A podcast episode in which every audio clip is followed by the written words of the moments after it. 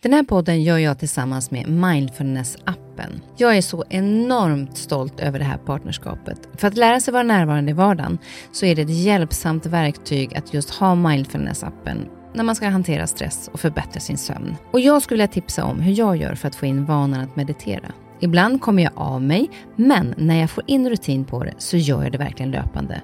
Och det jag gör då, det är att jag mediterar samma tid och på samma plats varje dag. Börja hellre med någon minut varje dag istället för en längre stund och kom in i rutinen och öka sen därefter längden på meditationen.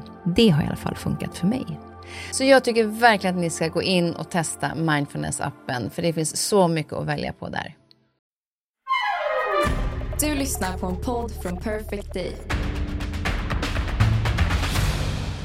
Välkommen till min podd Nyfiken på. Här får jag chansen att möta människor som jag är nyfiken på utifrån deras historia, kunskap eller erfarenheter. Människor som jag inspireras av och förhoppningsvis kan vi med det inspirera er. Och om ni gillar avsnittet får ni jättegärna dela det så fler får chansen att lyssna och det ger mig också möjligheten att få spridning på podden så att jag kan fortsätta länge att bjuda in människor till roliga och intressanta samtal. Glöm inte att du också kan gå in och prenumerera eller följa podden så missar du inte när avsnittet släpps. Veckans gäst är den svensk-italienske diplomaten och fredsmäklaren Staffan de Mistura. Han har i över 48 år jobbat för FN som sändebud för att lösa konflikter runt om i världen. Och nu kommer han med en bok, Armbrytning mot ondskan, där han berättar om sitt liv från det att han föddes i Sverige, om hans föräldrar som lärde honom vikten av kommunikation och att förstå andra människor, till möte med världens olika ledare för att lösa konflikter. Jag är nyfiken på varför han har valt att viga sitt liv för att rädda andra då han samtidigt riskerar sitt eget. Jag vill höra hur hans pappa Emilio lärde Staffan att läsa av människor, att möta alla utifrån där de är och vilka de är och vad som är det viktigaste i möten när man diskuterar fredslösningar. Staffan berättar i boken om hur viktigt det är att hitta kreativa lösningar för att lösa konflikter. Och det är jag nyfiken på om han har några exempel på. Jag är så enormt glad över att Staffan är här så jag tycker vi sätter igång nu.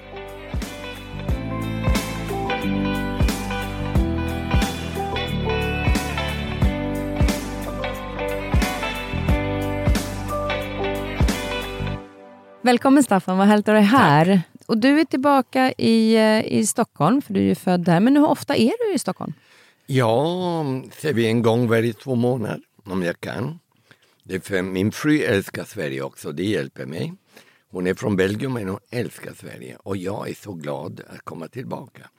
Och jag har många kusiner, 17 kusiner tänker jag. Oj!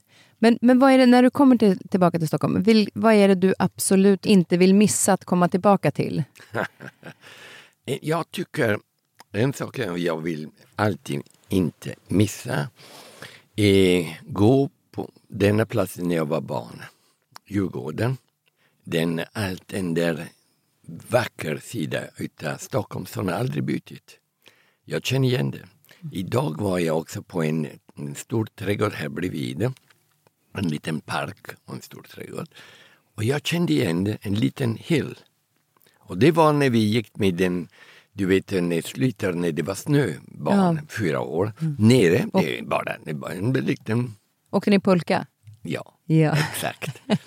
Så alla de här är minne för mig. Och sen är det naturligtvis eh, Körgården. Därför vi är min familj eh, på, pappa, på mammans sidan hade en liten bit utav en ö på Körgården mm. och det mm. var fantastiskt sommaren. Plus naturen. Och jag hade en intryck att det, när jag är hemma i Sverige är jag glad. Det är så? Ja. Vad är det som gör dig glad tror du när du är i Sverige? Att jag har den intryck att um, människorna älskar naturen. Därför det finns plats och tid. Därför de eh, jag tror, be, behåller starka principer och um, inte krig. Mm. Och jag kommer ofta från krigperioder. Så jag har ögonen fulla med någonting annat. Så det hjälper mig. Så du, ögonen får vila på någonting annat? Exakt, mm. exakt. För du är född i Stockholm och Ja. bodde här fy, till du var fyra va? mellan 0 och 4. Därför jag bryter. Och när jag talar svenska, du märker det. Jag, jag säger det är sött, det är vackert, det är snällt, det är fult, det är stygg. Det har en barnslig eh, eh, vokabulär, men jag förstår allt tack till min mor. Men det har behållit en mycket ung svensk. Det unga språket. Ja. Din pappa då, han är ju eh, italienare. Ja, Pappa Emilio. Ja. Så det var därför ni flyttade till, var det till Capri ni flyttade då? exakt. Därför på den tiden Capri var en, en vacker ö men inte så känd. Det var efter kriget. Och Axel Monte och San Michele. Och min mor hade läst boken. Och det har varit alltid en speciell referens för mig och min familj. Och vi bodde där fem år. Men eh, jag tänkte prata lite grann om just dina föräldrar, för de har inspirerat dig väldigt mycket eh, till kanske det yrkesvalet som du gjorde. Jag, när jag lyssnade till dig på innan du skulle komma hit, så jag lyssnade på lite olika intervjuer och då var det en så fin berättelse när du berättar om hur din pappa pratar om vikten av att kunna läsa av människor. Att man kan se på människor lite grann vad de är, vad de gör och hur de mår. Eh, det var, ni var på någon restaurang. Ja, det var, jag måste säga, för mig var det inte mycket roligt. För du vet, när du är 16-17 år gammal och din pappa bjuder dig på restaurangen, du önskar att äta med din pappa. Och eh, var lugnt och då välja någonting på menyn som du äter inte hemma. Nej, det var inte så. Det var började en träning och hans idé var det lärde inte i skolan. Det är inte. Det är något som du lär dig i livet. Men varför inte lära dig tidigt i livet? Och vad var det? Observera, Staffan. Observera, inte titta. Observera. Vad betyder observera? Det betyder notera body language. Notera hur människorna är, har en attityd och försöka förklara till dig själv vem du är och vem gör de och hur de mår kanske också. Därför i livet, du ska träffa många människor och ofta med mitt jobb blir det, du är parachuterad. Du kommer på ett möte, du har en framför fem, åtta människor där. Vem är riktiga chefen? Är det den som är alfa, som sitter bakom, inte front? Den som de tittar några gånger på. Men det är han som bestämmer och det är hans background som du måste studera före att du kommer. Observera. Och det gjorde vi. Och det fungerade. Du kommer ihåg i boken, jag talar om en, en couple mellan två människor och det första saken jag började observera, men man måste inte styr, stirra Ja, för det får man ju inte heller göra. Kan- man måste observera men inte titta så, annars de tyckte det är konstigt och så vidare. Men jag tittade på skorna och, och mannen. De var jättestora och vi var i Italien. Och Italien, männen hade inte 45-46 på den tiden. Nu började de. Och eh, han hade en stor guld Rolex-klocka. Nytt, man kunde märka det. Vad betyder det? Skorna han måste vara eller en skandinavisk eller engelsk eller amerikansk eller Kanad, Kanada men anglofon area. Italien, Spanien, nej. Och guld, ny stor Rolex armband. Han måste vilja bevisa att han tjänar bra och det måste hjälpa sina klienter att tro att han är duktig. Så en banker kanske, eller en advokat eller en, någonting så. Och sen, vad var relationen med damen? Ja, för det var jag imponerad över, att du att till och med lade märke till den delen. Nej, det pappa frågade. Vad är relationen med den damen? Är de br- syster och bror eller är de gifta eller är de är vänner? Eller? Och jag tittade och märkte att han tittade inte på räkning. När bild kom det. Vad gör man då? Det är psykologiskt kanske. När nu är min flört, en eh, ny, ny vän, tittade inte på räkningen. Du är, ja, tack så mycket. Ja, adjö, tack så mycket. Det var en bra mening. Om du är gift lång tid eller du är med din syster eller din väninna. Ja, det kärlek, eh, var det kaffe här? Ja, men måste man ge 10 procent efter här i. Italien. Man Och pratar om ja, den. prata Ja. om det. Och det betyder att det är en annan relation, det är ingenting illa men det är en annan relation. Och det var eh, en väg för att börja att observera. Men Och du hade ju rätt. han hade rätt. Han hade rätt och jag har alltid gjort det och jag gör det nu också. När jag sitter i en restaurang och någon plats i flygplatsen. Jag observerar och säger, vem kan de vara och vad gör de där? Han ser lite olycklig eh, ut, varför är det? Och försöka att developera en historia på dem. I- Kuriositet och empati också måste jag säga. På vilket sätt då menar du? Att, eh, ser vi så, om jag ser att eh, de... Ja, ja, ja, vi, ja, det är lite svårt att förklara kanske. När man, eh, jag ser en couple och de är, talar inte med varandra för en lång tid i flygplatsen. Och de bara tittar på sin telefon. Då börjar jag tänka tråkigt kanske för dem. Jag, jag skulle önska att de kunde, kanske det måste vara inte en dialog där. Varför inte tala om det som de ser? Och det, de, jag börjar tänka och hoppas att det är, är någonting som är inte tråkigt. Eller bra, glad om de är. Det har en influens på mig, därför jag tänker på dem. Jag är intresserad, säger vi så. Jag är intresserad, nyfiken, som du är. Precis. Som du är. Ja. Den andra punkten är inte vara blyg. Och den tycker jag ibland är svår. Det är det i livet, speciellt när du är 17 år gammal. Tänk på det. Verkligen. Och uh, blyg betyder att uh, bli imponerad och bli rädd.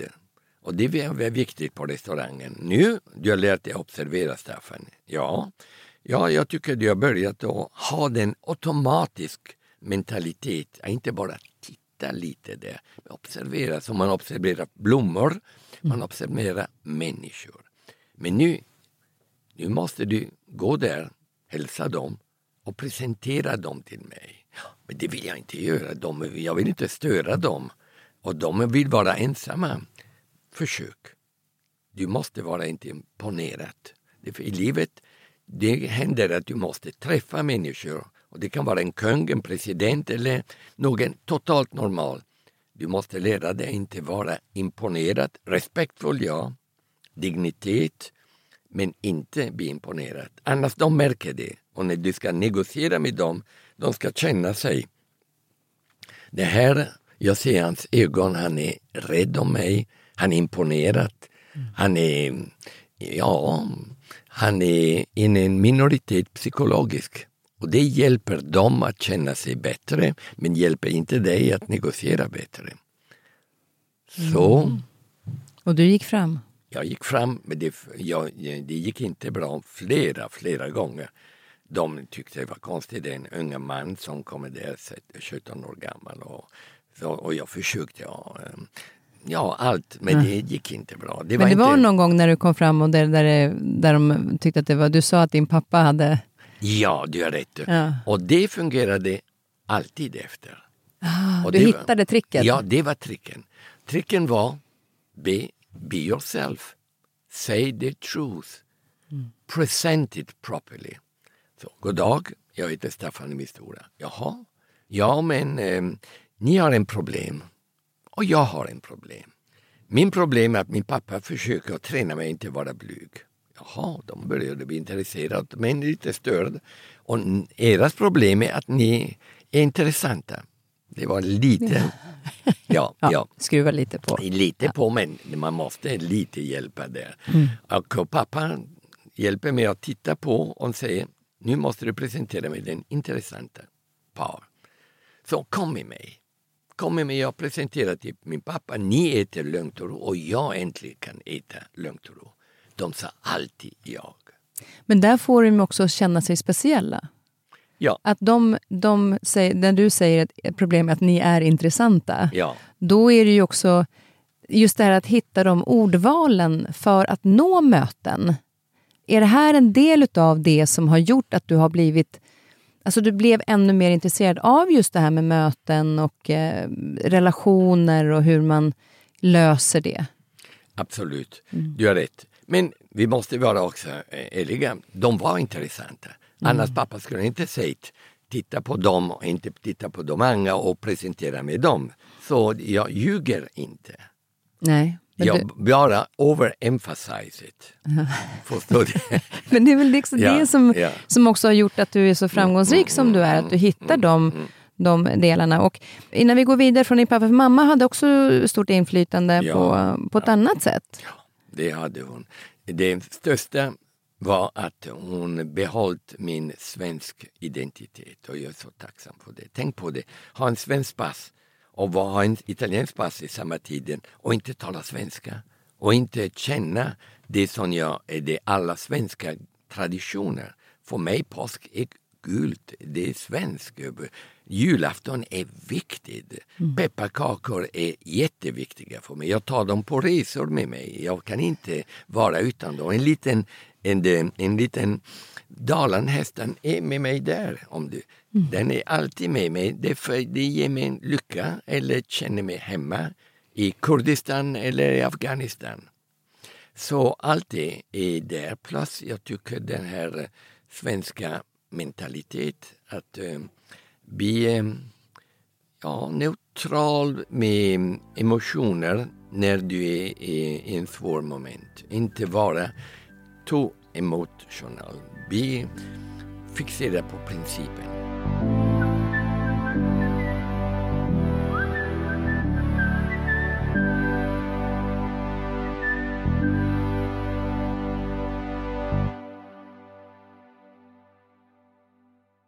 Du har ju också pratat om det här med, med beröring, Ja. att den är viktig. Hade ni, var ni, eh, att man liksom vågar, för det var ju lite jobbigt nu under corona när man inte kan ta eller hälsa eller liksom hitta, men att den är viktig. Var det också någonting du fick med dig ifrån när du var, var liten? Ja, det var det.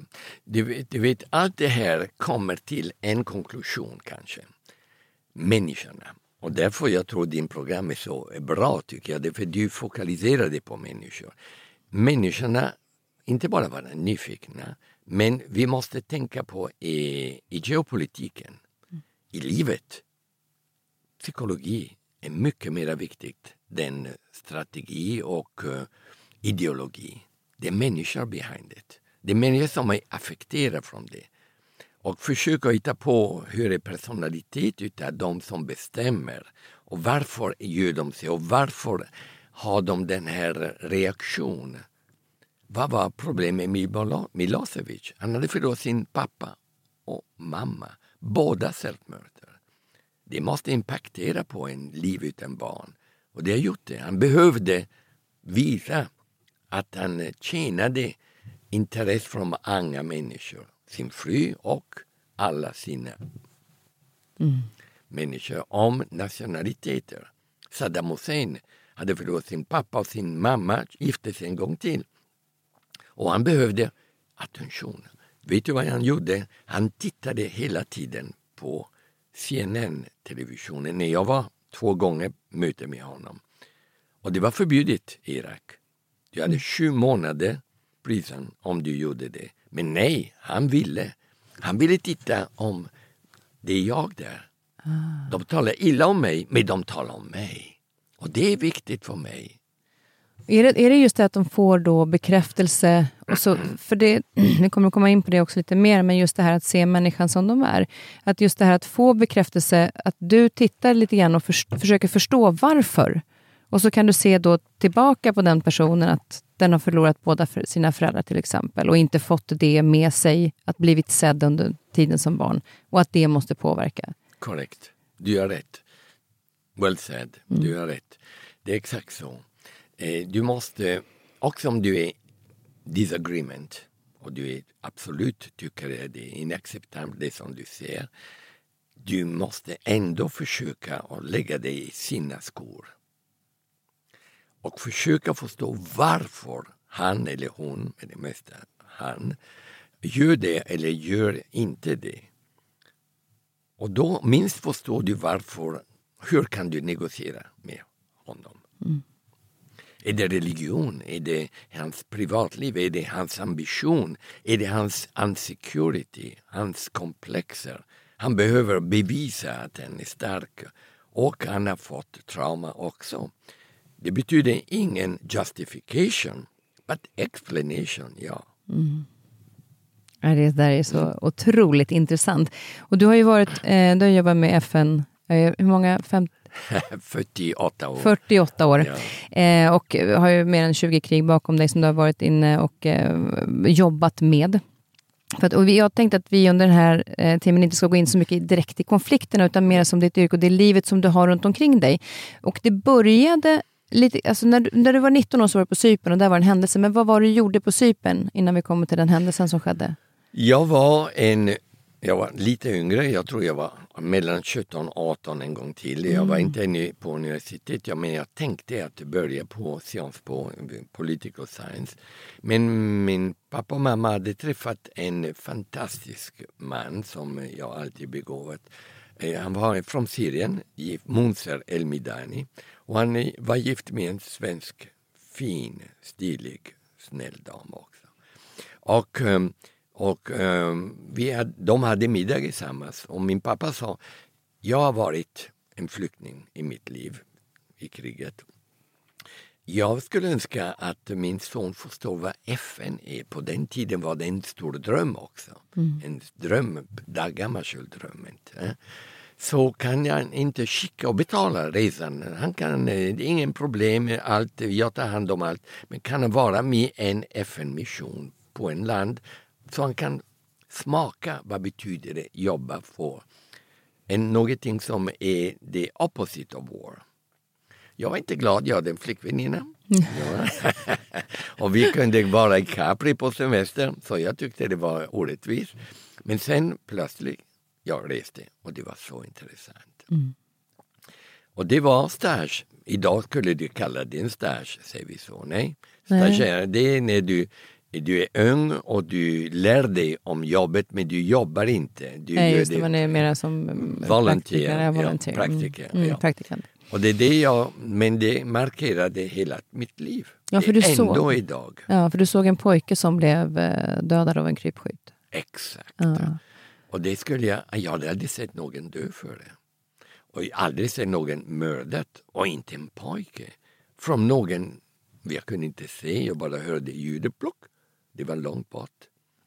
Och den pojken hade ingenting att göra med kriget mellan turkiska och grekiska sidan. Så det var outrage, hur kallar du outrage i svenska? Det är fruktansvärt. Alltså, det, var Det är en- inte arg, det är, det är en positiv arg. Det är en arg som vi behöver en aktion, konstruktiv aktion efter. Du, du kan inte bara passiv på det. Nej, det har en impact på, på, Ja. eh, på dig. Men vad kände, alltså, blev du inte rädd när det skedde? Du är ju så pass ung och är på en sån plats och en pojke blir mördad. Nej, jag var chockerad, mer än rädd, måste jag säga. Det är den intryck jag hade. Och arg och orättvis. Injustice. Nej, det hände inte. Jag har varit rädd andra gånger i mitt liv. Men, Men- men inte inte den. Det var så chockerande, den prevailed. Men det var det som också fick lite grann blev startskottet för dig som, som att du, du kände att du ville göra någonting för andra som, som risk, liksom är på, ja, men människor som dör världen över. Absolut. Det var den som har gett mig det motivationen att ta jobbet som en mission. Som en läkare om du vill. Som en, jag ville vara brand, eh, det- jag fire brigade när jag var barn. Så det var alltid en liten stimulation att göra någonting helpful, useful om jag kunde. Men det var mera, det blev en mission att komplicera mm, missionen till de som försöker att använda civiler för att ha en militär än en politisk resultat. Det var det driven, driven element.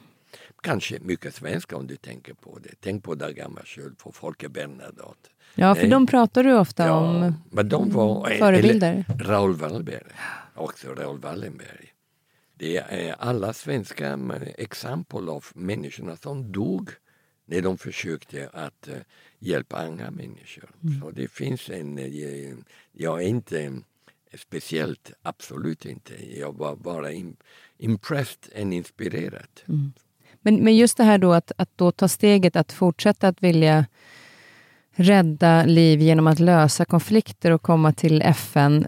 Det jag tänker på just kring det här med att lösa konflikter, om vi ska prata lite kring det. Ja. Att det handlar om också att man måste vara väldigt kreativ för att inte bara vara innanför boxen. Nej, du har rätt. Du kan ju studera massor och du kan läsa på mycket, men, men det krävs mer. På vilket Ja. sätt skulle du säga, beskriva det? Därför jag skri- vi har skrivit med Erik Olsson den boken. Därför jag försökte att förklara till yngre futura eh, the future diplomats och FN-diplomat att det inte bara cocktailpartys och konferenser och dokumenter och eh, debatter.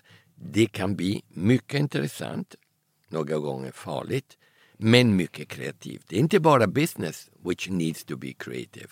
Diplomati på landet kan och måste vara kreativ.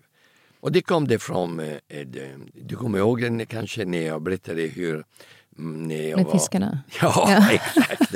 Det, var en, men det var en stor trauma för mig. Det var min första mission. Jag var bara 23 år gammal och för mig var det... Berätta var du var rädda- någonstans. jag- I Sudan, Ja. södra Sudan. Och jag var så stolt. Och jag hade, ja, nu ska jag rädda jorden. Äntligen kan jag göra någonting konkret. Och jag hade en mission som var eh, ganska fascinerande om du tänker lite Indiana Jones. Ta en mm, två båtar tre båtar, inte riktigt båtar, det är barges, på Nilen, följt med mat och bära dem på Nilen, Long Nile, från norra Sudan till Juba area. Det var inte Juba exakt, det var några byar där bredvid. 17 dagar resa. Och det var mm, en adventyr därför de hade hippopotamus eh, som störde resan. Det var några banditer som försökte ta maten men vi var på mitten och vi hade några som hjälpte oss att mot det. Och det var sjukdomar också, malaria och så vidare. Äntligen! Vi går där och vi kommer där. Och vi hade på flera tusen tins av sardiner från Norge. Jättegoda sardiner. Mm. Och det var, over, det var en överproduktion kanske på den tiden i Norge om dem och de gav dem till FN, till World Food Program. Så idén var att använda det här proteiner för att hjälpa människorna i deras eh, byar få ha få proteiner, för det var problem med civilkriget i södra Sudan på den tiden. Så jag var jätteglad och stolt. Vi hade gjort det. Jag hade blivit lite sjuk, men vi var där. Magen och så vidare, du vet. Malaria lite också. Plötsligt, ingen äter ingenting except öppnar en tin.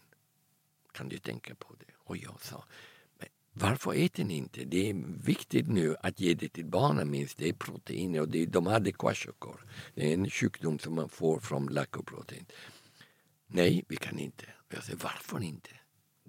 Därför, den andra tribe på den andra sidan av floden, på många, många år före tiden, men det har lämnat sig nu som en tradition, lämnade gift, mat från fisk eller kött på trädarna så vi några kunde äta det och sen döda.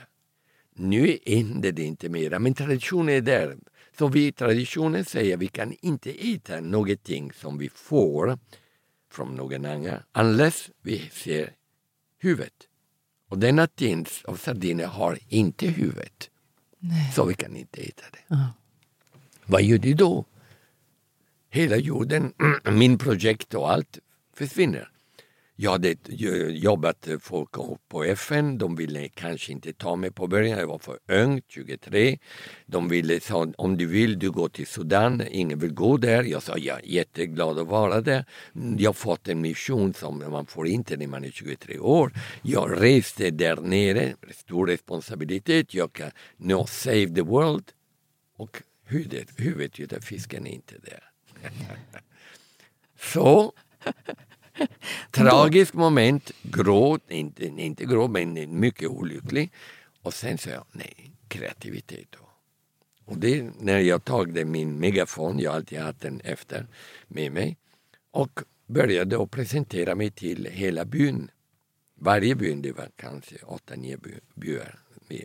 Och kalla alla människorna från det tribun de var mycket nyfikna den konstiga eh, den vita man som kommer där med en mikrofon och sitter på sin gamla Land Rover och börjar göra en, en speech.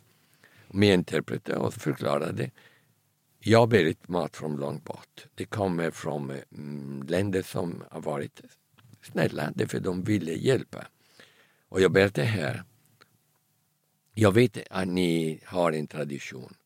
Kan jag förslaga att en utav gamlaste i byn och det yngste i byn kommer här och väljer tre burkar utav sardiner. Det är tusen... Så de fick välja själva? Ja, det var mm. tusental där på golvet. Och de kunde välja en, anyone. Och jag ska äta det fram dig. Och jag ska äta alla tre plus tre, sex. Och sen imorgon bitti kommer jag tillbaka. Om jag lever, det betyder någonting, eller hur? Det gjorde jag. Och det fungerade i flera byar men jag blev lite sjuk för jag äter för mycket fisk ja. och det var jättevarmt och det var mycket proteiner och så vidare. Men det fungerade. Så jag har fått den intryck, när det är svårt, don't give up. Mm. Second, think out of the box. Och det har räddat dig ganska många gånger för det var också något med blåa kameler. Ja, men, ja, men den... det, det, ja, det var det också. Ja. Det var en speciell, men jag, jag vet att eh, Sudan då vill inte tala om det för mycket för det var en, en ganska ovanlig situation. Men det var att använda kameler för att bära, eh, eh, du vet vaccinationer. -huh. eh, vacciner måste vara kalla. Och för att vara kalla måste du bära en liten kylskåp. För en kylskåp måste du ha en bil. Men bil betyder olja, gas, petrol det kan du inte använda. Därför du är på i desert, in the desert. Mm, i, I öknen? Exakt. Mm. Men kameler är mycket bra. De behöver inte petrol och olja. De behöver lite vatten. Och du kan ha en liten eh, en, kylskåp med den här första primitiva type of uh, solar type of thing. Men det är mycket primitivt. Det var, du vet, det var inte developerat på den tiden. Så du kan göra det. Mm. Men den de började stil som av de kameler. De, de stjälar? Mm. Ja. Som vi måste färga dem blå, blå på ryggen så att de var stålen, man kunde hitta på dem i... och, det fungerade, och det fungerade. Ja, men, och det, och det är egentligen de här... Ja man tänker så att det är ganska enkla saker egentligen, ja, ja. men någonting som kanske man i såna här konflikter och här situationer som är så allvarliga inte alltid tänker. Men just att vikten av att tänka utanför eh, för boxen. Exakt. Och sen också som, som när du har rest runt och möter olika människor och kommer i, i olika sammanhang så har jag förstått att du inte alltid kan visa eh, dig som du är dressad till exempel om du är i New York och jobbar. Utan det var i, i Laos tror jag som du, du, du skrev i boken, så gott det nu gick så gjorde jag mig till en opiumrökande europeisk hippie. ja, ja, men det, man måste förklara varför. Ja, men precis, och det är det jag vill att du ska berätta. Du vet, jag, eh, jag röker också inte cigaretter så jag har ingen aning vad det betyder röka opium. Jag kan inte röka, jag kan inte inhalera, jag vet inte hur man gör det. Så, men missionen var speciellt. Det var speciellt. Det var i 75 när Vietnam vann kriget mot Amerika. Okay, och du har det här scen av helikoptern som åker från Saigon och så vidare. Och då var det en möjlighet för FN att försöka att göra någonting efter så många år i kriget. Där. Amerikanerna var inte glada att se FN där, för de var besvikna och arga för kriget hade inte slutat så bra. Men de accepterade att en, någon från ett neutralt land, Sverige, och en disposable was the word, kunde gå ensam att ha en kontakt med Vietcong som hade frågat i Genève på en möte hjälp för the Meo Tribes som var en tribu som hade kämpat med båda sidor. Och nu, de behövde mat. Men eh, om de hade inte mat skulle de också kämpa mer och det skulle vara en continuation of civil war. Mm. Så de sa vi behöver hjälp från FN och kanske var deras väg att börja och etablera en rapport med FN. Så de sökte en ung människa från ett neutralt land villig att gå där och vänta på de Viet Minh att komma till Laos. Och från där åka med dem till Hanoi. Men de kom det inte till, eh, till, eh, till Vientiane så snabbt. Det dröjde dagar och dagar. De bara väntade och väntade. De var där. Det var nästan ingen utländsk. Jag och några få, alla hade lämnat det för de visste att staden var surrounded. Mm. Så här kan jag förklara till människorna på platsen att jag stannar där och väntar på de nästa som kommer, inte de som är där. Som var det kontakter får den gå till Hanoi och från Hanoi ta hand om. Pretenderar att jag var en drug addict. Håren med lite och skäggen och sen varje morgon gå till en liten opiumhus men den sitter och tar en kaffe, te där, tar en te inuti, men inte gå inuti totalt på de rum där man rökte. Och jag betalade för att stanna där och timmar och sen gå bort. Så att man kunde se den pojken, den unga mannen där, jag tänker jag var 25, 6 tror jag. Eh, det på den tiden eh, var där för den han var. Och äntligen kommer Pathet Lao i stan och hade med sig Vietkong, Vietmin. Och de, vet, de visste var jag var. Vi hade informerat på hotellet och ta mig och sen nu kan du börja ditt jobb. Vi tar, bär dig till Hanoi. Ger dig en cykel i Hanoi och du börjar att jobba på en rapport om the Meo Tribes som jag gjorde. Mm. Så det finns olika, alltså just att anpassa sig till där de är, smälta in och he hela tiden känna efter vad det är ja som gör att de inte heller känner sig hotade. För att, och det, det är väl också en sån sak att, att varje gång med, med tanke på hur många olika länder du har varit till, olika kulturer, att studera hur är de och hur kan de inte känna att man inkräktar. Hur mycket tid har du liksom lagt på den delen inför olika möten? Är det en stor del för att kunna förbereda sig? Absolut. Och du, om jag får säga, mitt fel var på den första erfarenheten i södra Sudan. Jag skulle ha talat med människor i Khartoum som kom från det tribu och förklara vad är inte bara det, det som de behöver. Vi visste att de hade problem med kwashiorkor och hunger. Men deras tradition, religion, Mm. Varför? De skulle kanske ha sagt, ja men försiktig, ni måste alltid vara med en head, mm. fisken eller köttet. Ja. Om jag visste det förut, jag skulle haft mycket lättare jobb. Betyder, vad betyder det? Homework, preparera, studera, fråga, tala med lokala människor om du kan för det. Tala om psykologin och religionen, försök att förstå deras traditioner men också sensibiliteter. Mm. Och um, be ready för det. Det ska alltid vara överraskande, det ska alltid vara problem, men minst har du gjort your homework.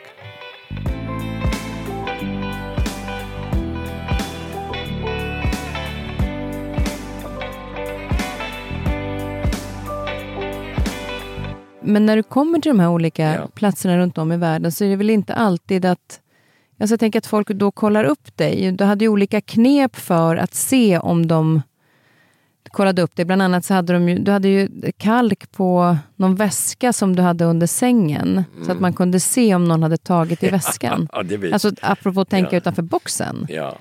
Var det så att du behövde vara på din vakt på det sättet?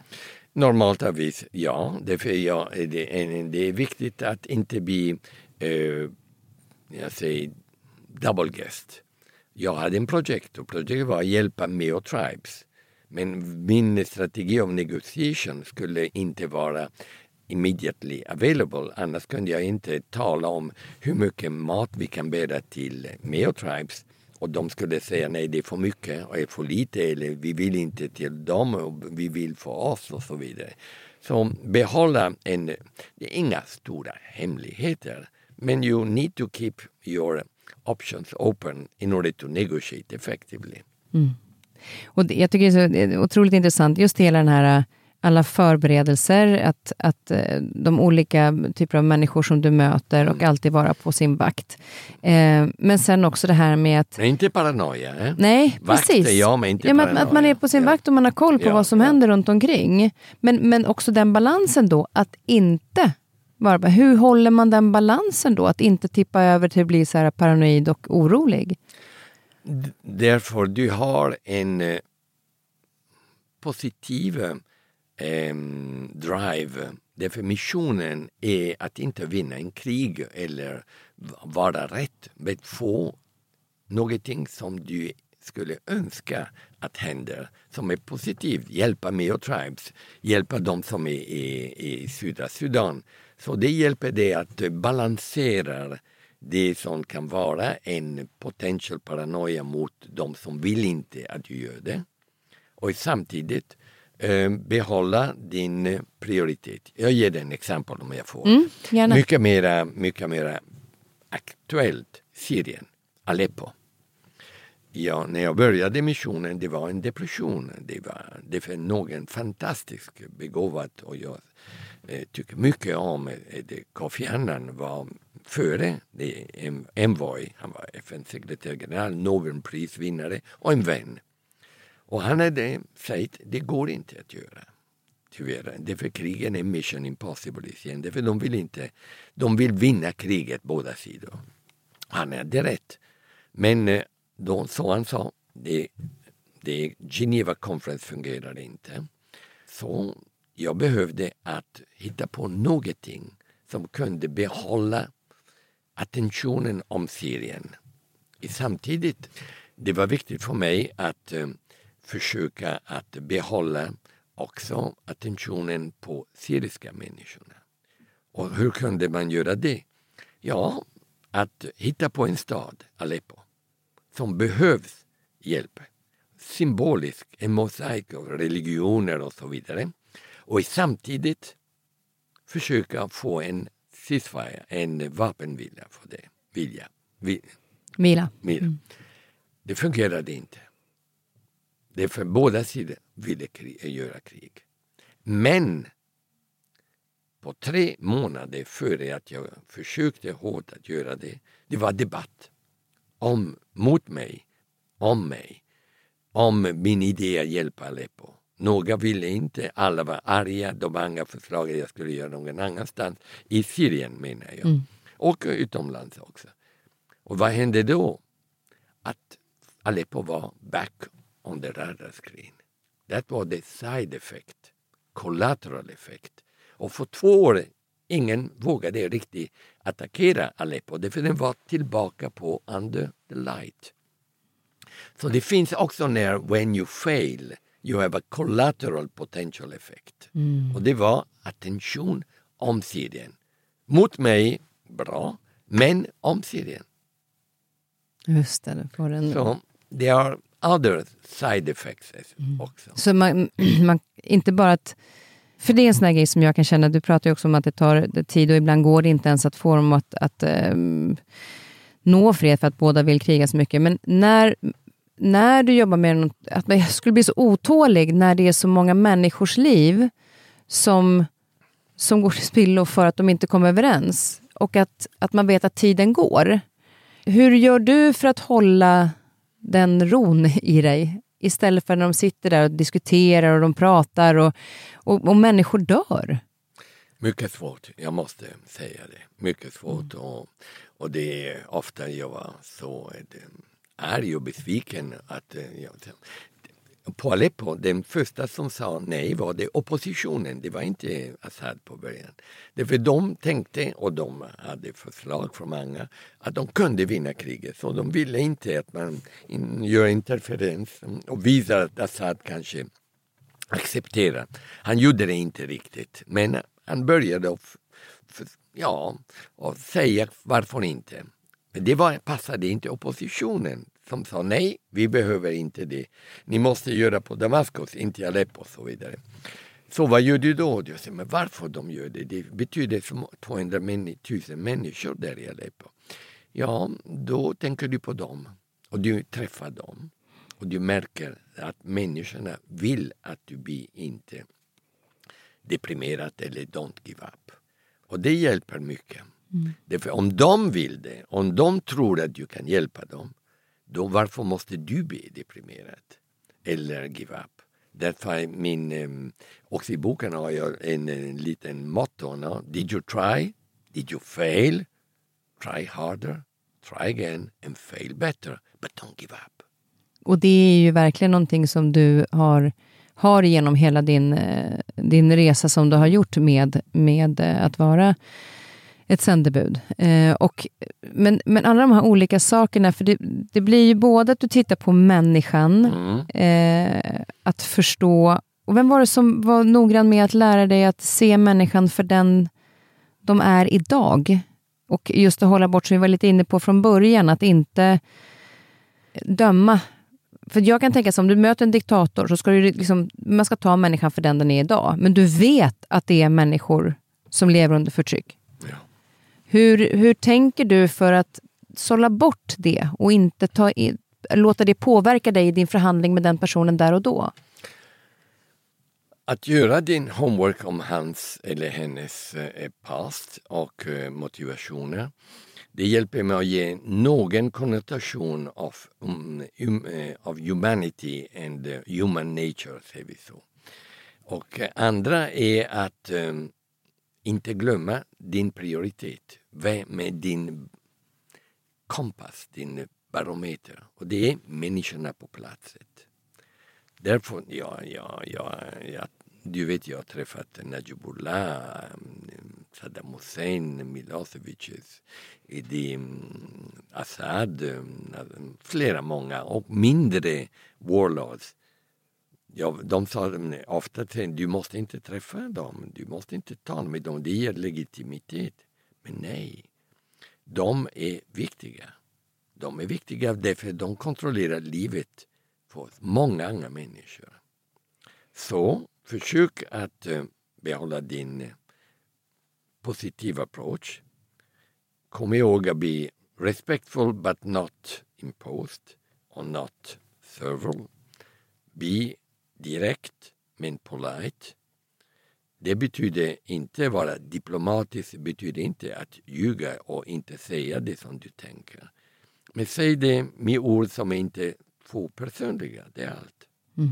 Ja, det är otroligt eh, fascinerande, framförallt också eftersom du är en, en människa som bryr sig så mycket om. Eh, men just i den situationen så är det ju också, nu när du säger det så blir det ju helt rätt att det är ju de som någonstans styr allting. Så om man inte pratar med dem så kommer vi inte komma åt det i alla fall. Exakt.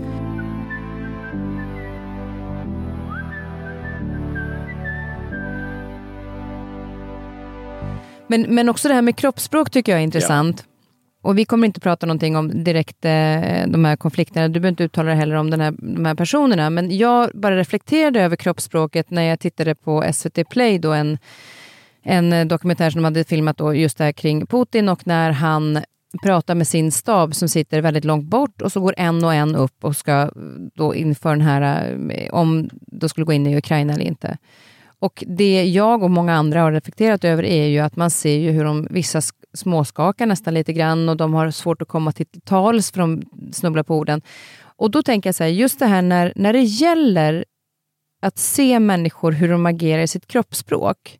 Är det också någonting om du, kommer, om du ska in och förhandla med någon, att du också har studerat den innan så att du kan se skillnaden när du står i förhandling med den här personen, så ser du att det där är avvikande mot vad det brukar vara. Absolut. Det, allt är part of homework om du kan. Det är inte alltid du har videos eller film du kan göra det. Så ofta måste du också studera the body language på platsen. Du har kanske träffat honom första gången. Ja, eh, men du vet, eh, där är, eh, där är som man måste också bli, göra homework. Jag ger en exempel. I, norra, I Irak, i Kurdistan. Det var en svår moment för de ville ha en eh, referendum och kurderna var mycket determinerade och de hade mm, rätt att försöka få den. Men om de skulle ha gjort det skulle det varit krig. Och jag, min jobb var att hjälpa dem att förstå att ha en krig för en referendum som inte är bra tid att ha var självmord. De var jättearga med mig. vi var på en parlamentmöte i norra Irak och jag hade gjort homework. Jag visste att de som var speciellt arga var en som hade talade svenska, han hade bott i Sverige och den andra hade bott i Tyskland. Och de attackerade mig och sa ni kommer upp med en proposition att inte ha referendum. Men ni är någon som känner inte vår historia. Ni förstår inte hur viktigt är det för oss och så vidare. Och ni måste ha andra instruktioner från någon som vill inte det. Det är kanske Bagdad och så vidare. Och jag sa nej, jag är från FN, jag har inte instruktioner. Men kan jag fråga? Och de var jättehårda, de var nästan fysiska på mig. Vad gör du då? Homework hjälpte mig. Jag sa, förlåt mig, men kan ni förklara till mig vad ni var efter Gulf War 1? Ja, jag var i Sverige och jag debatterade och diskuterade om eh, mat för och hjälp för kurderna och så vidare. Jaha. Och ni? Jag, jag var i Berlin och jag var jätteaktiv och för fundraising för människorna i Kurdistan. Jaha. Ja, jag var i, i landet och jag dig min toalett som alla de andra gjorde i min, min tent med dina bröder och systrar som hållde försöka och åka till Turkiet. De kunde inte. Jag var med dem 60 dagar och de försökte att springa bort och de kunde inte. De ätade snö i, i, på bergen. Och vi bär dem tillbaka försökte förklara till dem om vi är med dig, du behöver inte vara på bergen och äta snö och bli sjuk. Du kan komma tillbaka med mig. Så inte säga att jag förstår inte det som du känner, det för jag var där. Mm. Plötsligt, slut. Och sen börjar en gång till. Jag heter Staffan, det är min stora. Kan vi börja en gång till? Jaha. Och de hade gjort sin show. De hade visat att de var arga. Men nu hela energin var borta. Och vi kunde tala om det lönar sig eller inte att ha en referendum nu. Och de bestämde inte nu. Och vi hade inte en krig. Nej. Ja, det är ju de här... Mm. Just, och jag förstår att, det, att, att göra the homework är ju eh, grunden till det såklart. Men folk gör ju också homework när det gäller dig. Ja. Att, att, eh, så tänker du ibland på att det här, jag får inte, om du känner en viss stress eller en viss, att, att inte visa det kroppsspråksmässigt. Kan du kontrollera det på det sättet så att de inte läser av dig? Ja, du har rätt. Du har totalt rätt. Ja, jag är säker de gör det. Speciellt efter många år. Det har varit videos om mig också och så vidare. Jag tror att de gör det. Mm. Men det som är mest eh, svårt är när de också lär mina tekniker. Och tekniker, är, du kan inte använda samma varje gång. Det är nästan om du går tillbaka på att vara en läkare. Det är, du, du har en mikrob, kriget, och du har en antibiotisk. Men efter en period mikroben developerar resistens. Du måste hitta på en ny antibiotisk. En exempel. I Salvador med Unicef vi hade där kampanj för vaccinationer. Och det fungerade. Vi talade inte om krig. Vi talade, har du barn? Jaha. Och vill du inte att de blir vaccinerade, det annars, vi vet att de ska ha stora sjukdomar. Nej, vi vill tala om krig för de andra är stygga och de andra är orättvisa. Jag talar inte om det. Det är ditt problem. Min problem är att försöka hjälpa barn. Dina barn. Om du säger nej, lite naughty message, jag måste den förklara till dina människorna att barnen kunde inte bli vaccinerade. Därför du sa nej. Vill du att jag säger det? De andra kanske ska säga ja på andra sidan. Nej, nej, då accepterar vi. Men inte tala om politik. inga problem. Men, min punkt, efter, för att göra vaccinationen vi behöver en vapenvila. Tre dagar. Annars kan vi inte göra.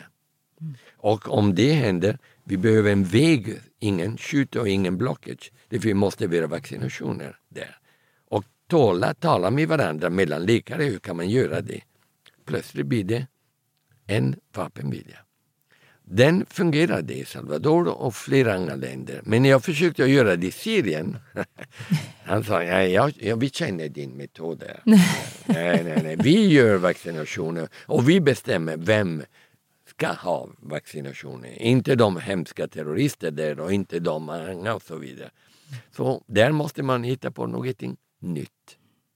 Och det vet jag också, för du blev ju också, ehm, när du i en, en fredsförhandling, jag tror att det var ni skulle försöka få till ett möte i Genève, där det var flera olika ledare, vi behöver inte gå in på vilka, men, men där du hade 15 minuter på dig att komma till tals. Ja. Men där de började prata om att du skulle gifta dig, så att det verkar som att du var stressad. Att de också har gjort sin hemläxa på dig för att försöka få dig ur spår. Absolut. Men där var du snabb. Ja, det var jag. Det, du har rätt. Jag hade 15 sekunder kanske. Men eh, det var, de hade gjort sitt jobb och de visste att jag hade gift mig i Sverige, i Stockholm. Så teorin var att eh, jag hade brådska att sluta så jag kunde ha min honeymoon och leva med mitt fru lugnt och ro. Och, ehm, och därför, eh, det betyder också demobilisera det objektiva konceptet som jag hade bärt på och göra subjektiva. Nej, nej, nej, nej. Staffan har förklarat hur viktigt det är att ha en constitutional committee. Men det är inte det. det är han, han vill lämna jobbet om vill ha någonting i handen för att resa. Så vad gör man då? Det objektiva, subjektiva, då använder du det judotekniken. Du använder samma argumentet att säga någonting som blir personligt. De var personliga med dig, så du blir personlig också. Så kan jag få en present för min eh, bröllop. Ni har tackat mig, ni har, nej, ni har gratulerat mig. Tack så mycket. Nu att jag, ni har gratulerat mig, om man talar inte mer om Syrien, vi talar bara om min bröllop. Då kan jag fråga en bröllopspresent. Och då den andra sidan också reagerar med en subjektiv reaktion. Okej, och det vill jag en konferens då, på en bröllop. Så det fick du ville ha som bröllopspresent? Ja, ja. Och han, de, de, de höll ett ord, de gjorde det. De gjorde det. Ja. Och det är det som jag tycker är så coolt med det, hur du kan snabbt vända när de får dig egentligen ur spår för att de, de vägleder dig till ett annat håll, men att du plockar det på en gång och möter på samma sätt. Är det någonting... För ibland kan jag också känna att du måste vara en viss typ av person. Mycket kan man lära sig, men vissa saker har man som människa också. Kan du känna att, du, att det är också en styrka som du har med dig från när du var barn? Att du har den här liksom, empatin och mänskligheten, att, du, att du ändå är närvarande på det sättet? Det är svårt att självanalysera. Ja, jag förstår, men ändå intressant att- Men jag kan tänka på mig att det, det kommer med också det här feeling of emergency. Det, det var viktigt att få en resultat. Nu måste jag hitta på i sista 15 sekunder, hur kan jag svara till det? Så det blir nästan en eh, adrenalin, en acceleration att hitta på någonting som eh, svarar till någonting som var mycket effektivt. Nej, nej, nej, Staffan har bara brådska. I alla de här olika konflikterna som du har Ja. varit, du har varit i såna otroligt oroliga situationer runt om i världen. Ja. När är du rädd? Det är en viktig fråga, därför jag ställer det med mig själv och med mina kollegor. Jag har varit rädd många gånger. Därför om man är inte rädd blir man en cowboy. Man måste, krig är inte det som vi ser på filmer, du vet.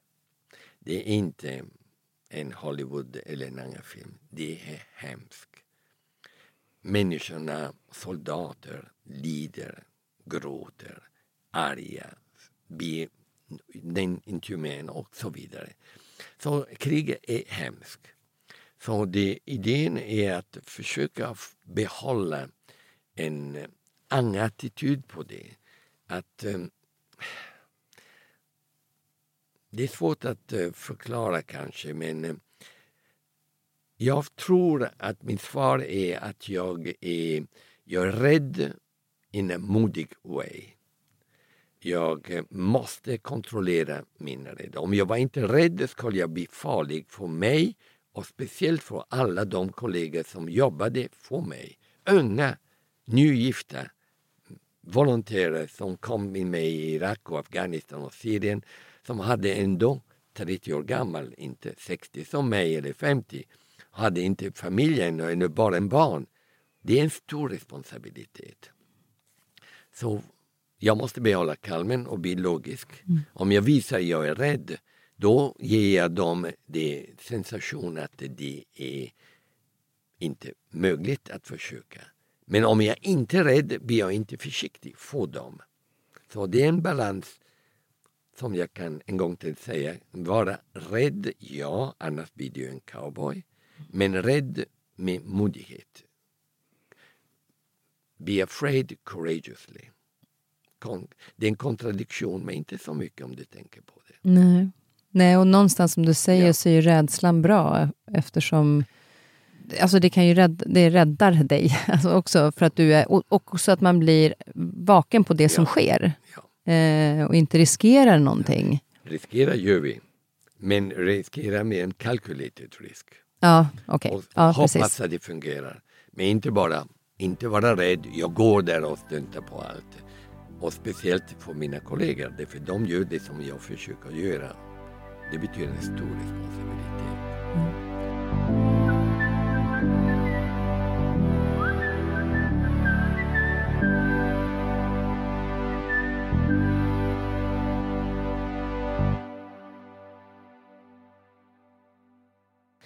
Men när det gäller de här konflikterna, att när man inte kommer till en lösning, vad, alltså vad känner du då efter liksom allt jobb? För du är ju i en miljö väldigt ofta, som du säger, att det är elände och krig och, och du andas när du kommer till Sverige. Men, men hur, hur hanterar du det? Jag tror eh, med en kombination mellan dess outrage som jag hade från Cyprus som hjälpte mig att bli motiverad. Mm. Inte bara ett jobb, en mission. Och den andra är att jag ville vara en läkare. Vad betyder det? Att eh, det hjälper mig att acceptera och inte bli eh, deprimerad och inte bli passiv. En läkare ska inte lämna sin patient. Ja, jag vet tyvärr att det finns inte, inte en, en medicin för Alzheimer. Vi vet det. Är jag den läkare som ska säga den till patienten, ja det finns ingen medicin, det är omöjligt, du är deprimerad, jag är deprimerad, din familj är deprimerad. Nej, läkaren säger, ja det är tråkigt, men I don't give up on you. Jag hjälper dig att behålla hoppet. Jag hjälper dig att tro att det kanske ska komma en medicin, därför jag också tror det och hoppas det. Imorgon, tänk på tuberkulosis. Den dödade tusentals människor i början av century. Alla unga. Och sen plötsligt har vi medicin, en antibiotisk. Det kan vara också i geopolitik, det är samma sak. Och sista saken, ge hopp. Behåll hopp och ge hopp. Annars blir det ännu sämre på andra sidan. Så konklusion, you don't have the luxury to be just depressed before, because you didn't produce peace. Peace är inte tyvärr automatisk i naturen, mänskliga. Krig är ofta det för en sida vill vinna och den andra vill inte förlora. Mm. Och där, där någonstans, vi pratade precis när du kom, mm. så pratade vi lite grann om det här med att allt, alltså det vi ser i media, det vi ser eh, på nyheterna, det är ju alltid det som är negativt, alltså som är krigen ja, och ja. konflikter. Och också så att det blåser upp en, en konflikt någonstans, då hör man inte om de andra pågående konflikterna till exempel, fast det är fortfarande i samma läge. Men att någonstans också kunna att vi behöver också se när saker och ting löser sig. Så att vi också kan känna det här hoppet som du pratar om. Ja. Men om vi bara ser konflikter hela tiden så är det svårt att se att men vi har inte sett att de andra konflikterna har löst sig. Nej. Så vi har väl ingen tro på att det här kommer göra det. Hur tycker du kring det? Med förmedlandet av var... med nyheter? Ja, du har rätt att eh, en gång till, din fråga är, makes me think, måste jag säga. Men eh, Först, det finns fantastiska överraskningar i livet. Jag också i sämsta perioder. När jag var i Kabul och ingen flygplan ville komma och hjälpa mig med mat för de kvinnorna från de Mujahedin på den tiden och barn som var isolerade i Kabul. Och därför det, de var rädda att komma. Plötsligt Etiopien skickade en flygplan till mig med mat. Etiopien från där bort. Och svaret var, du har hjälpt oss på det operation San Bernard fyra år, fem år före. Vi hjälper dig nu. Mm. Jag hade ingen hopp att någon skulle acceptera att komma. Det var för farligt. Den gjorde det.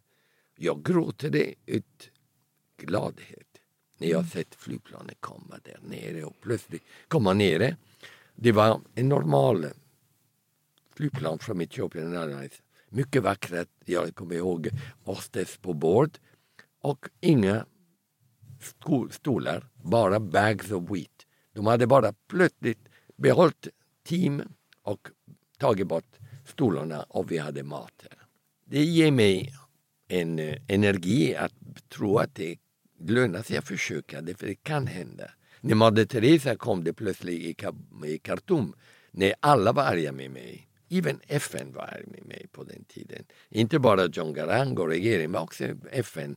På den tiden de tyckte det var ovanligt att en ung FN-man skulle ja, challenge regering, eh, sudanesiska eh, regering och som var nervös med mig för jag ville försöka göra någonting för en, en by som heter Juba. Och de ville inte kanske göra det. Så FN, regering och också John Garang som ville skjuta ner planet. Jag hade också ont i magen, jag hade ameba. Min flickväninna hade lämnat mig därför jag försvann i Khartoum för sjutton sa jag till mig, vad är det? Jag menar, ingen, alla är arga med mig och jag försöker göra det som jag trodde jag skulle ha gjort om du jobbar för FN. Mm. Och plötsligt kommer Madde Teresa på dörren och jag hade aldrig tänkt att träffa henne. Därför hon hade hört på radio att vi försökte göra någonting på BBC. Och hon hjälpte mig jättemycket. Så Också tillfälligheterna ja. som också finns där ja. i att mötas. Men jag tycker också att det är fint, eh, just för att jag vill också att vi, innan vi avrundar, mm. visa också att det finns situationer där länder möts och faktiskt hjälps åt, bara man också kan sätta politiken till sidan. För du visade mig en tidning nu när du kom, ja. där flera länder går in och är överens om att vi behöver hjälpa till här. Vi pratar inte politik. Kan inte du berätta om det? För det tycker jag är en sån grej som ger hopp och som, som visar att det finns mänsklighet där också. Du hade frågat mig förra gången när vi talade först, före jag kom det här. Vad är min favoritmusik? Mm. Det och det var eh, det är We are the world, we are the children. Vi ska den, spela den i slutet. Tänker bra, jag. det mm. glädjer mig. för det är en speciell musik för mig. Den musik kom det på en period när Etiopien hade en hemsk hunger. 1984. Och det var en period när ingen ville hjälpa Etiopien. Därför på ryska, sovjetiska sidan, de ville vara med Mengistu och han var arg med några regioner, Tigray och Wollo. Och väst var ganska glad om du tänker på det, att visa att en land som var med Sovjetunionen kunde också inte hitta mat. Så det var en koincidens. Men we are the world, we are the children public opinion reagerar och plötsligt vi hade flygplaner. Men de flygplanen gick bara till Addis Abeba. Och vi hittade på att det var en stor grupp av populationen som var på bergen, Hopelands, Islands. Och de gick inte ner, så vi kunde inte gå med kamions med bössor och mat där. Det enda väg var att göra airdropping. Airdropping betyder kasta mat från flygplanet. Och vem kan göra det? Militärerna. Vi tar bort bomben och vi lägger inuti mat. Det var baron von Rosen, en svensk, som började göra det i Ibo-kriget i Nigeria före. Och vi hade studerat en remarkable approach. Militärerna är jätteduktiga att vara mycket precis med logistik Men om du tar bort bomben och lägger maten, det fungerar. Men nu hade du flygplaner och du hade inte helikoptern. Det betyder att du behövde ha helikoptrarna från Sovjetunionen och Polen på det tiden kallt krig. Och flygplanen från Royal Air Force, en luftwaffe. Hur kan du ha dem att jobba tillsammans? För att göra en airdropping operation, kompetition, vem är bäst att kasta mat direkt till landet så att de kan få det, inte bomber. Och hur kan du göra det att de kan tala med varandra? De ville inte tala med varandra, det var kallt krig. Så jag satt på bordet, på bordet jag menar, inte i bordet. Du satt på bordet? Mellan dem. Därför de talar inte med varandra, de talar bara med mig. Det är ryssarna och polerna och ryssarna och å andra sidan engelskarna och tyskarna. NATO, Pakt och Varsavia. Men de började att tala med mig och jag talade med varje. Och plötsligt en av dem, engelskarna, engelskarna sa vår radiooperator message ska vara London One och ryssarna sa och vi är Moscow One då. Jaha, men vilken radiokonnexion? Och då började jag tala teknisk. Mm. Mellanteknik. De började säga, jaha, men då behöver vi komma på din flygplan, du jag kommer på din helikopter för att koordinera att vi rör oss inte och vi bestör oss inte. Och vi hade en, plötsligt en kooperation Båda NATO och Pakt och Varsavia bombade inte varandra. De hade tränat sig att göra det. De bombade i samma, men inte med bomber, med mat. Därför vi kallar det Operation San Bernard. En hund, neutralt, som bär lite alkohol när du är snö. Och det var jag mycket stolt på, det, för det var någonting som bevisar att om du kan försöka hitta på en common ground du kan använda också de som har tränat sig att skjuta på varandra och jobba tillsammans och känna sig stolta på det. De var jättestolta att de kunde göra det. Jag tycker det är så fantastiskt härligt att höra, mm. för det är precis det vi också behöver höra nu när världen och framförallt att det, har varit så oro, det är så oroligt nära ja. oss. Att det finns sätt att samarbeta. Det finns sätt att, att mötas och hjälpas åt. Det gäller ju bara att hitta de rätta verktygen att få dem att, att mötas. Men du har gjort det möjligt förut och fått ihop dem. Så att möjligheterna finns där och det är väl någonstans det vi måste komma ihåg. Att hoppet finns där och det finns möjligheter. Du sa det. Mm. Du sa det. Men jag tänker nu innan vi, vi, vi slutar, jag kan ju prata jättelänge med dig. Du som då har berättat om det här att du är nyfiken på människor. Och är, finns det någonting mer som du är extra nyfiken på som, som kanske inte alltid har med ditt jobb att göra, utan någonting annat kanske? Eller, ja. eller är du så i ditt... Nej, nej, nej. nej, nej ja. Naturligtvis, det som jag är mest nyfiken är också i privatlivet är, är människorna i privatlivet också. Och jag är mycket intresserad på biografier och autobiografier. Jag håller på att läsa nu Carl Jungs autobiografi. hjälper mycket att förstå psykologin men också av hans liv. Och samma sak händer det när jag träffar människorna i, pri, pri, privat. Men ser vi annars är historien och arkeologi, det är också en passion. Speciellt eh, etruskan arkeologi, men annan arkeologi också. Därför också det är eh, ger ge en idé om hur historien har kommit på och hur länder har kommit på. Så det är, och sen jag behöver eh, göra mycket outdoor-liv. Mm. Därför det hjälper mig att behålla mina endomorfiner höga och min adrenalin under kontroll. Ja. Därför jag måste behöva att behålla positiva aspekter. Ja, för det är väl inte som du sa tidigare, att det är inte den vardagen du lever i. Ja. Utan du får söka upp den för att uh, ja. hitta, hitta ron. Ja. Och boken den heter ju Armbrytning mot ondskan. Har du märkt det? Inte ta, ta, inte ta sönder armen, bara armbryta. Armbryta, ja. Därför du kan inte kanske sluta en krig, men du kan jättekomplicera för de som försöker vinna en krig att använda civilian. Mm. Så det är principen. Men just då undrar jag ju, för nu har du ju varit med i väldigt många år. Hur länge kommer du orkar jobba med att bryta arm med ondskan? Jag vet inte. Det är tredje gången jag är pensionerad. Du vet. Jag, är, jag är 75. Jag kunde inte tacka nej på den sista missionen som FN-sekreteraren gav mig. Därför det är en viktig, gammal men farlig problem. Så får, ser vi som hälsan hjälper mig och om man tänker att jag kan hjälpa. Det är svårt att tacka nej. Det var mycket svårt för mig när jag bestämde att lämna San Michele. Det var min dröm, det var min fantasm i Capri. Skriva min memoar och göra en projekt på är det kvinnor, är det träning i politiska, är det Mediterranean så att de kan lära sig att bli mycket mer proaktiva när de går på parlamentet och så vidare. Men skillnaden var att jag kunde inte tacka nej för det problemet i Syrien. Det var för svårt mm. och Afghanistan var svårt också att tacka nej.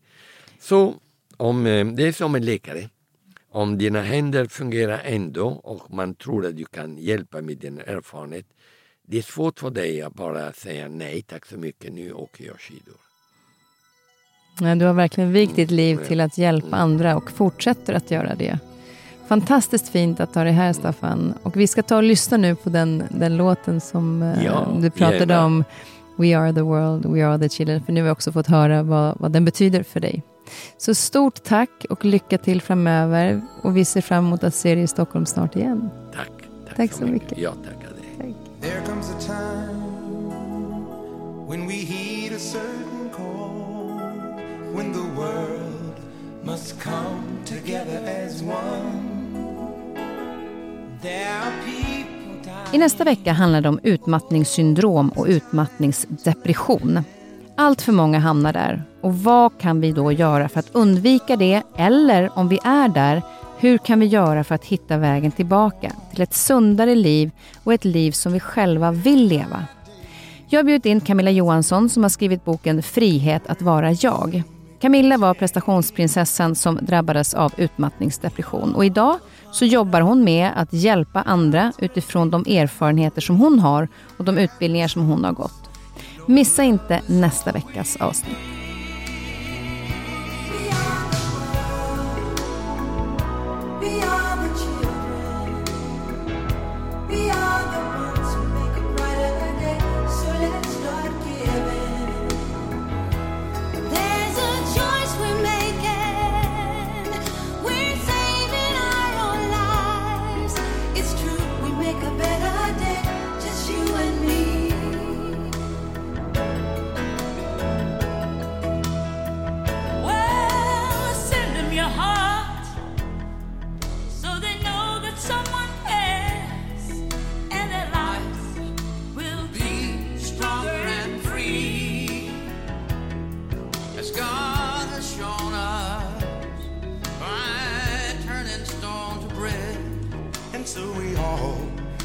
So we all must let